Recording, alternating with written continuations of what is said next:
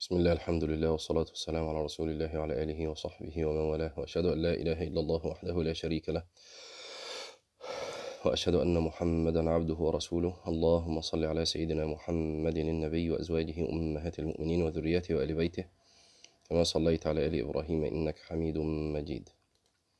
يقول واعلم أن الله تعالى ناظر إليك مطلع عليك فقل لنفسك لو كان رجل من صالحي قومي يراني لاستحيت منه فكيف لا أستحي من ربي تبارك وتعالى؟ ثم لا آمن تعجيل عقوبته وكشف ستره. واعلم أنك لا تقدر على معصيته إلا بنعمته. يعني طبعا الكلام اللي فات يصلح لأمثالنا. وابن قدامة كان يوجه الوصية لأمثالنا ونحونا من الناس يعني. وإلا فالأولياء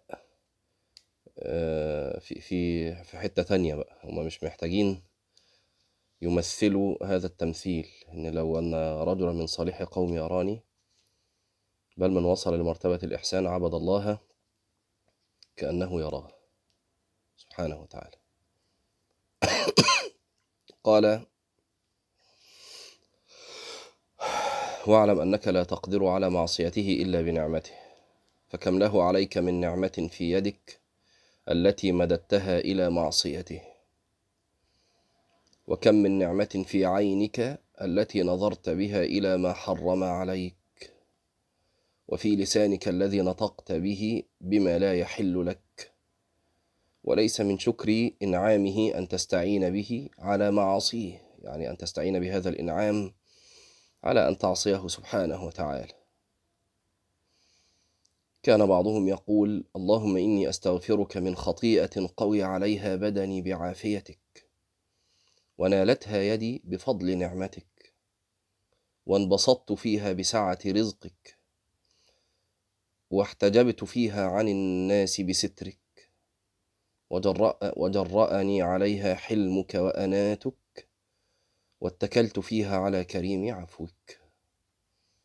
اللهم إني أستغفرك من خطيئة قوي عليها بدني بعافيتك ونالتها يدي بفضل نعمتك وانبسطت فيها بسعة رزقك واحتجبت فيها عن الناس بسترك وجرأني عليها حلمك وأناتك واتكلت فيها على كريم عفوك. ولو لم يكن في من نعمه عليك في معصيتك إلا سترها عليك لكفى. فلو اطلع الناس عليك لا, لا إيه؟ لانهتكت مثلا ويبقى في غلط. لانهتكت مثلا. وقد روينا أن رجلا أتى إبراهيم بن أدهم فقال يا أبا إسحاق إنني لا أصبر على المعاصي أو عن المعاصي فقل لي قولا أنتفع به. قال نعم أقول لك خمس خصال إن قدرت عليها لم تضرك معصية. قال هاتي. قال إذا أردت أن تعصي الله, أن تعصي الله فلا تأكل رزقه. قال يا أبا إسحاق فمن أين آكل وكل ما في الأرض من رزق الله؟ قال أفيحسن أن تأكل رزقه وتعصيه؟ قال لا. هات الثانية. طبعا هذا الكلام لا يفهمه إلا أصحاب المروءة يا جماعة. يعني الناس الخسيسة التي قد سفلت نفسها ما تفهمش الكلام ده. كلام إني يعني أبقى باكل من رزق وأعصيه أبقى بسكن أرض وأعصيه أبقى هو اللي بيديني النعم وأعصيه بيها. الأمور دي ما يفهمهاش أي حد أو ما, ما, ما يتأثرش بها أي حد يتأثر بها أصحاب المروءات. خلاص وإلا في ناس آه في ناس تعمل كده مع البشر وبتعمل كده مع رب البشر سبحانه وتعالى والكلام ده ولا يفرق معاهم حاجة. إن إن إيه آه إن أنت أكرمت الكريم ملكته وإن أنت أكرمت اللئيم تمرده. مفهومة دي؟ الإنسان الكريم ذو المروءة. لو أكرمته كأنك أسرته كأنه بقى عبد عندك بإكرامك له وما يقدرش آه، يأذيك ولا يقدر يتجاوز في حقك. يعني شوفوا يا جماعة حتى مع اختلاف الملة والراجل كافر كافر لكن عنده مروءة. لما كان بيكلم النبي عليه الصلاة والسلام وبعدين قال له واحد كافر مش فاكر مين دلوقتي سهيل بن عمرو أو غيره يعني مش فاكر. وبعدين بيقول للنبي عليه الصلاة والسلام آه آه يعني لو لو غزوت قومك آه أفسمعت برجل غزا قومه قبلك وإن تكن الأخرى فما أرى حولك إلا أوباش. فما أرى حولك إلا أوباشا آه، خليق أن يفروا ويدعوك. فأبو بكر واقف رضي الله عنه كان ملثما كان حاطط حاجة على وشه فمش معروف مين اللي واقف ده. فقال نحن نفر وندعه وراح شاتم آلهة هذا الرجل شتيمة شديدة. شتم آلهته شتيمة شديدة. فالرجل عنده عقل أولا. قبل يعني ما نقول عنده مروءة فهو عنده عقل. قال من هذا؟ قبل ما يتنرفز يعني قال من هذا؟ فقال ابن أبي قحافة يعني أبو بكر. بقى الرجل صاحب المروءة قال لولا يد لك علي لجازيتك بها ولكن هذه بتلك. يعني أبو بكر كان أسدى معروفا لهذا الرجل يوما. فقال له لولا بس إنك ليك جميل عندي أنا كنت رديت عليك ولكن هذه بتلك. يعني دي قدام دي لو اتكلمت تاني هرد. مفهوم يا جماعة؟ إن أنت أكرمت الكريم ملكته وإن أنت أكرمت اللئيم تمرد ولذلك كل من يعصي الله عز وجل ويستمرئ المعصية ويستمر على معصيته ولا يتوب منها عن قريب فيه لؤم وفيه خبث وفيه خسة.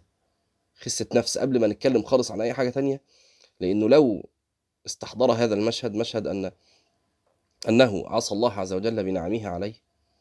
عين حضرتك دي اللي عمال تطلقها البصر عمال تطلقه ده هو الذي أعطاك إياه سبحانه وتعالى. ولا إيديك اللي بتمديها عشان تسلمي على راجل أجنبي عنك وتقولي أصل أنا آه، محرجة منه مكسوفة. أنا بتكلم بقى دلوقتي اللي المفروض عندها يعني إيه مسح الدين أو أو عندها شيء من دين. فتقول فتبقى واحد يمد إيديه تروح مد إيديها ومسلمة. عادي خالص. ويمكن هي اللي تبتدئ كمان. خلاص فالله أولى أن تستحي منه سبحانه وتعالى. هو اللي رزق اللي رزقك هذه اليد والقدرة على تحريكها. ولو شاء لشلت هذه اليد. تبقى عاوز ترفعيها كده تسلمي على الراجل ما تعرفيش ترفعيها من جنبك وإلى غيره بقى. اللسان اللي عمالين نطلقه في غيبة ونميمة وكذب وبهت و- و- وشتيمة و... كل ذلك منه سبحانه وتعالى. قال يا أبا إسحاق فمن أين آكل وكل ما في الأرض من رزق الله؟ قال أفيحسن أن تأكل رزقه وتعصيه؟ قال لا هات الثانية. قال إن أردت أن تعصيه فلا تسكن بلاده. قال هذه أشد من الأولى. إذا كانت السماوات والأرض وما بينهما وما فيهما له فأين أسكن؟ قال يا هذا أفيحسن أن تأكل رزقه وتسكن بلاده وتعصيه؟ قال لا هات الثالثة. قال فإذا أردت أن تعصيه فانظر موضعا لا يراك فاعصه. فاعصه فيه. إذا أردت أن تعصيه فانظر موضعا لا يراك فاعصه فيه. قال يا أبا إسحاق فكيف أصنع وما في السماء والأرض والجبال والبحار موضع إلا وهو بارز له؟ يرى ما في قعر البحار وتحت أط- أطباق الجبال. قال يا هذا أفيحسن أن تأكل رزقه وتسكن بلاده وتجاهره بمعصيته؟ لو قفلت عليك ألف باب ورا بعض فأنت تجاهره بالمعصية. ليه؟ سواء عنده إيه؟ من أسر القول ومن جهر به. ومن هو مستخف بالليل وسارب بالنهار. كله عنده سواء. فاهمين الآية يا جماعة؟ سواء عنده. الاتنين زي بعض.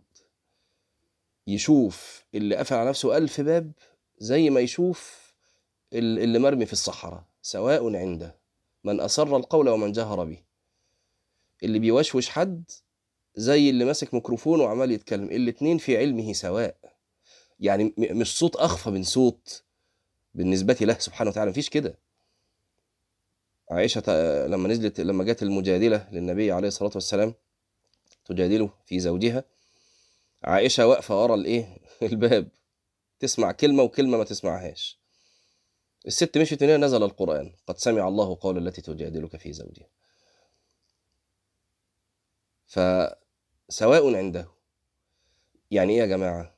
يعني أنت لو لو آه، تاني هقولها كمان مرة لو قفلت على نفسك ألف باب ورا بعض اعتبر نفسك أنت مجاهر لله بمعصيته. خلاص؟ وزي ما ابن القيم قال قبل كده قال إيه؟ قال اعلم أن اضطراب قلبك. إذا حرك الريح ستر بابك وأنت على معصية أشد من المعصية.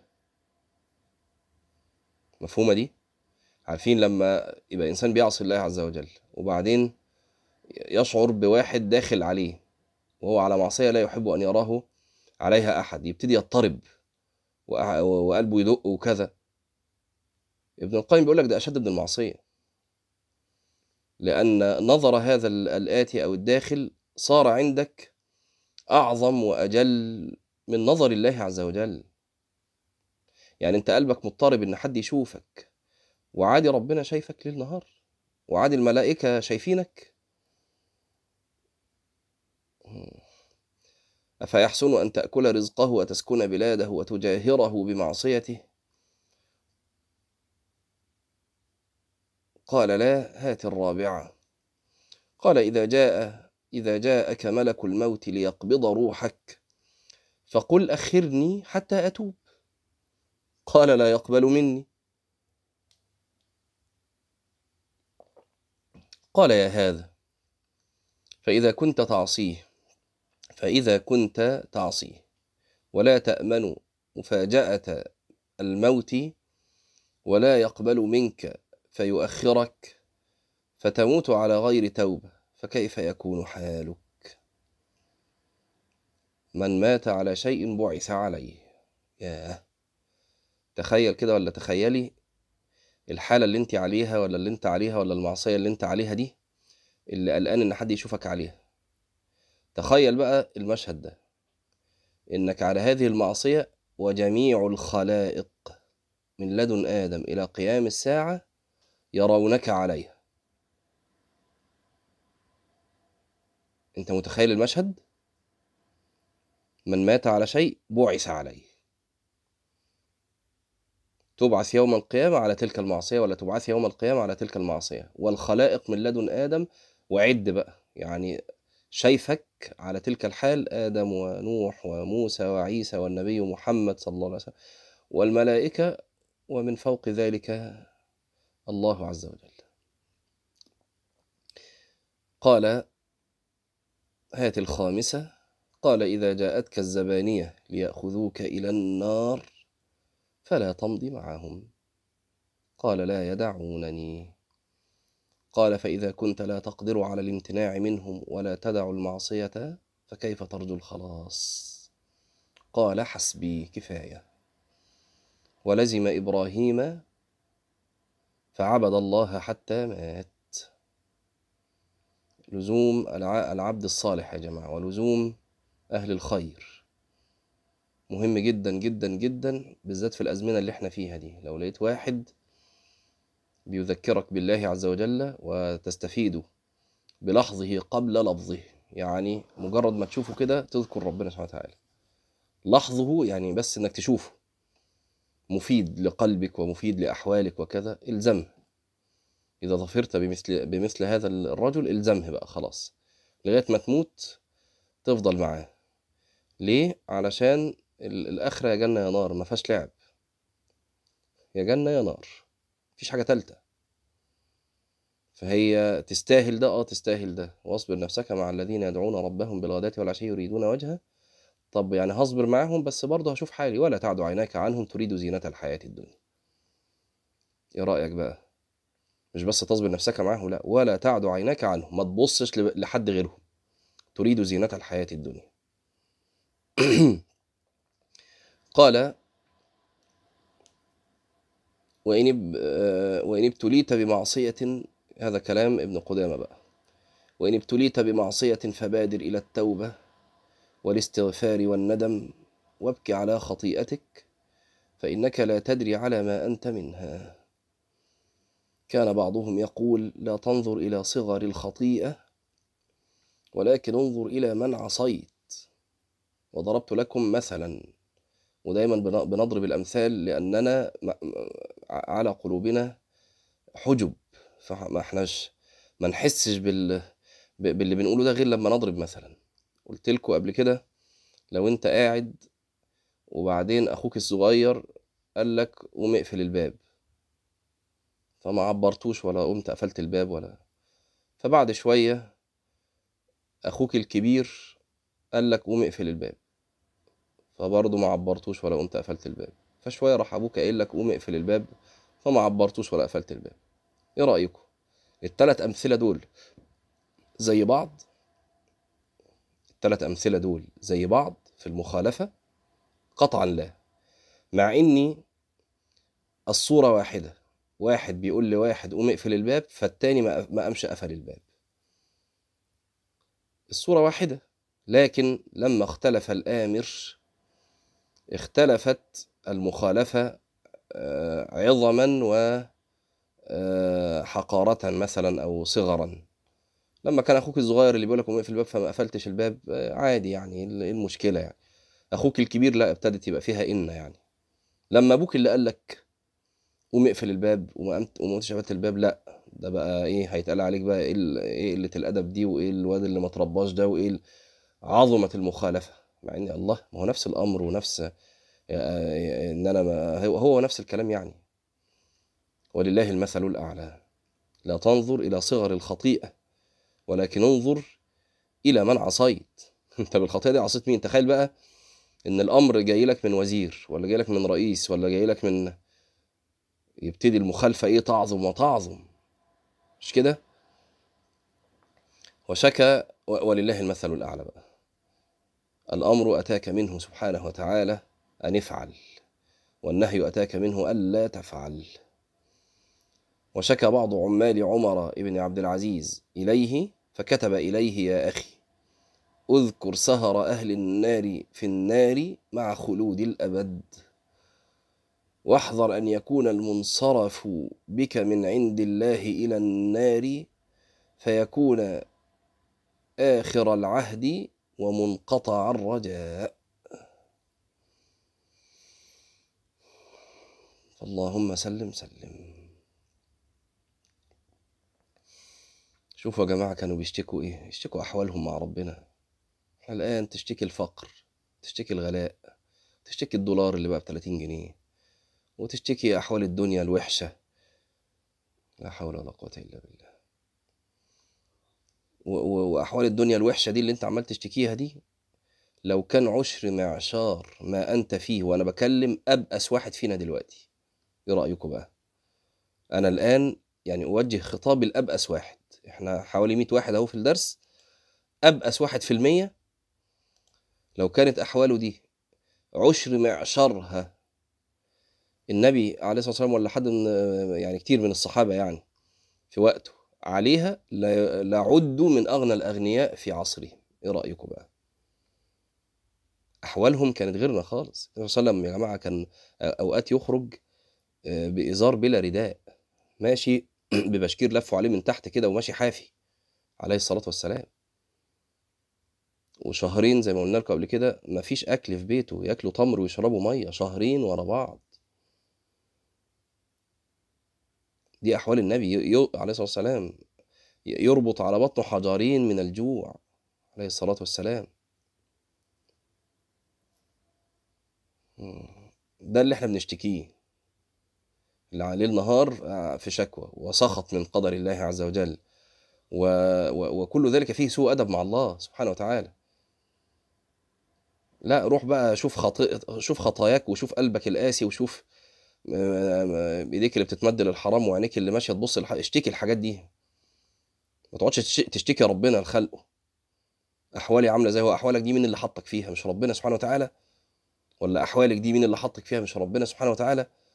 ماشي تشتكي لخلقه سبحانه وتعالى سوء أدب معه سبحانه وتعالى أن تشتكي الرب للخ... للخلق. لا روح اشتكي ذنوبك بقى. فكان فراح اشتكى لعمر بن عبد العزيز ذنوبه. يا هذا فعمر عمر رضي الله عنه ورحمه الله بي- بي- بيصيه بقى يا أخي اذكر سهر أهل النار في النار مع خلود الأبد. واحذر أن يكون المنصرف بك من عند الله إلى النار فيكون آخر العهد ومنقطع الرجاء. فلما قرأ الكتاب يعني هذا الرجل الذي كان يشتكي طوى البلاد حتى قدم عليه فقال ما أقدمك؟ فقال خلعت قلبي بكتابك لا عملت لك ولا لأحد بعدك. يا سلام. ده كان والي زي كده رئيس دولة أو ملك دولة. ده معنى والي. ما هو عمر كان خليفة المسلمين. فكان يرسي يرسل مثلا والي على مصر. والي على مصر يعني زي دلوقتي رئيس مصر كده. ده واحد من عماله. متخيلين؟ فهذا الرجل لما كتب إليه عمر ذلك قال له أنا ساب الولاية. قال له لا عملت لك لأحد لا, لا لك ولا لأحد بعدك. شوفوا يا جماعة يزهدوا في الإيه؟ في الولاية ويزهدوا في الدنيا ويزهدوا و- وال- وكلمة تحرق قلوبهم. يعني أدينا أدينا قرينا السطرين أهو يا جماعة. يعني مثال واضح عشان نعرف إحنا قلوبنا فين. علشان ما, ما نجيش بعد كده يعني إيه كل واحد يتوهم بقى إنه حاجة. نفس السطرين لسه قارينهم أهو. هم السطرين اللي اتبعتوا للراجل. السطرين دول بعد الدرس. وغيرهم يعني إحنا إحنا بقالنا هنقعد نص ساعة بنتكلم. لا ده هو عمر بعت كلمتين للراجل ورد غطاهم. السطرين دول بعد الدرس هيعملوا فينا إيه؟ يعني قول لنفسك كده أنا هقفل الدرس دلوقتي وهغير إيه من حالي؟ السطرين دول يا جماعة لما راحوا لرئيس دولة لرئيس دولة ساب الرئاسة من أجل السطرين دول إيه رايكم بقى؟ حضرتك ولا حضرتك مش قادر تسيب معصية ب... يعني وأنا يعني أنا أولكم يعني أنا السامع المتكلم. ونفس سطرين هم اتقروا علينا هم. هم هم الكلمتين اللي بعتهم عمر هم الكلمتين اللي قريناهم. لكن القلوب كانت غير القلوب. قال خلعت قلبي بكتابك. شوف اللفظ. لا عملت لك ولا لأحد بعدك. واعلم يا أخي الكلام لابن قدامة أن الخطر عظيم والخطب جليل. وأننا قد عرضنا أو عرضنا لأمر لا تقوم له الجبال الشوامخ ولا الأرض العريضة ولا السماء الرفيعة ولا البحار الواسعة. وحملنا أمرا أشفقت من حمله السماوات والأرض والجبال فأبين أن يحملنها وأشفقن منها. وحملها الإنسان إنه كان ظلوما جهولا. وخلقت لنا النار التي لا مثل لعذابها. ووعدها الله تعالى أن يملأها منا ومن الجن فقال تعالى لأملأن جهنم من الجنة والناس أجمعين. وكيف حال من تشعل النار وكيف حال من تشعل النار في جسده كله؟ كلما نضج جلده بدل جلدا غيره. يسحب في حميم قد انتهى حره على جسده ووجهه ويصب من فوق رأسه فيصهر به ما في بطنه وينتزع عنه جلده ثم يسجر في نار تشعل في جسمه وجلده ووجهه ثم لا غاية لعذابها يعني عذابها لا منتهى له. ولا يفتر عنهم ولا يرجون منها فرجا. قال الله تعالى إن المجرمين في عذاب جهنم خالدون لا يفتر عنهم. مش بعد شوية هيخفت ولا بعد شوية هيتعودوا وهم فيه مبلسون يائسون. يائسون من أي رحمة ومن أي روح ومن أي فرجة. وما ظلمناهم ولكن كانوا هم الظالمين ونادوا يا مالك ألف سنة يقعدوا ينادوا مالك يا مالك مالك خازن النار وهو لا يرد فإذا التفت إليهم قالوا ليقضي علينا ربك فتوهم عذابا أمنية من فيه أن يموت. قل لي أنت في الدنيا أشد شيء أنت منه هربا إيه هو؟ الموت. مش كده؟ أكتر حاجة بتهرب منها في الدنيا الموت. أهي أكتر حاجة أنت بتهرب منها في الدنيا أمنية أهل النار. يا مالك ليقضي علينا ربك. فتأتيهم الإجابة كالصاعقة. قال إنكم ماكثون لا موت. لا يرحمون إن بكوا ولا يعذرون إن شكوا ولا يجابون إن دعوا ولا يعتبون إن استعتبوا أو إن استعتبوا. قال الله تعالى فإن يصبروا فالنار مثوى لهم وإن يستعتبوا فما هم من المعتبين. روي أن عمر رضي الله عنه مر بكثيب من من الرمل كومة رمل فقال مساكين أهل النار. لو علموا أنهم إذا لبثوا في جهنم عدد هذا الرمل ثم أخرجوا منها لكان لهم أمد يمدون بأعناقهم إليه ولكنهم لا غاية لهم. كنت الرمل دي فيها كم حبة رمل؟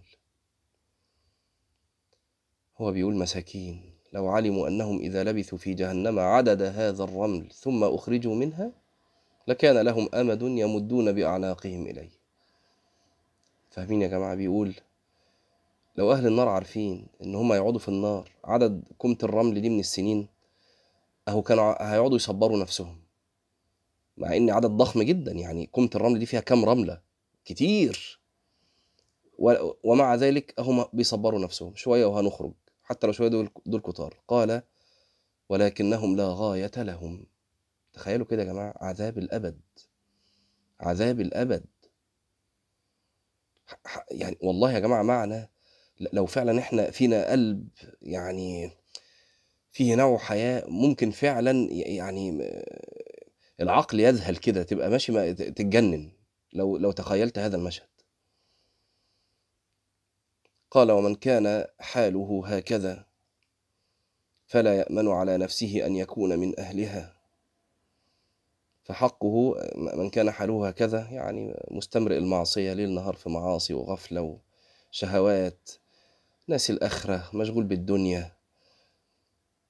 طيب ما يؤمننا؟ لو أحولنا كده يا جماعة ما يؤمننا أن نكون من أصحاب النار في الآخرة؟ وهنا أنا مش بيأس الناس من رحمة الله عز وجل فرحمته وسعت كل شيء سبحانه وتعالى. لكن بعد أن قال ذلك قال فسأكتبها. مش لكل الناس بقى اقروا مين التي سيكتبها الله عز وجل لهم. ما هو قال ورحمتي وسعت كل شيء صحيح. لكن بعدها على طول قال فسأكتبها للذين. اقروا بقى الأوصاف. عشان نشوف كتبت لمن هذه الرحمة. قال ومن كان حاله هكذا فلا يأمن على نفسه أن يكون من أهلها. فحقه ألا يفتر من البكاء ولا يستقر به قرار. فكن يا أخي على حذر ولا تأمن وأنت معرض لهذا الخطر. كان بعضهم يبكي كثيرا فقيل له في ذلك يعني عمال تعيط ليه؟ فقال والله لو تواعدني لو تواعدني ربي أن يسجن أن يسجن أن يسجنني في الحمام.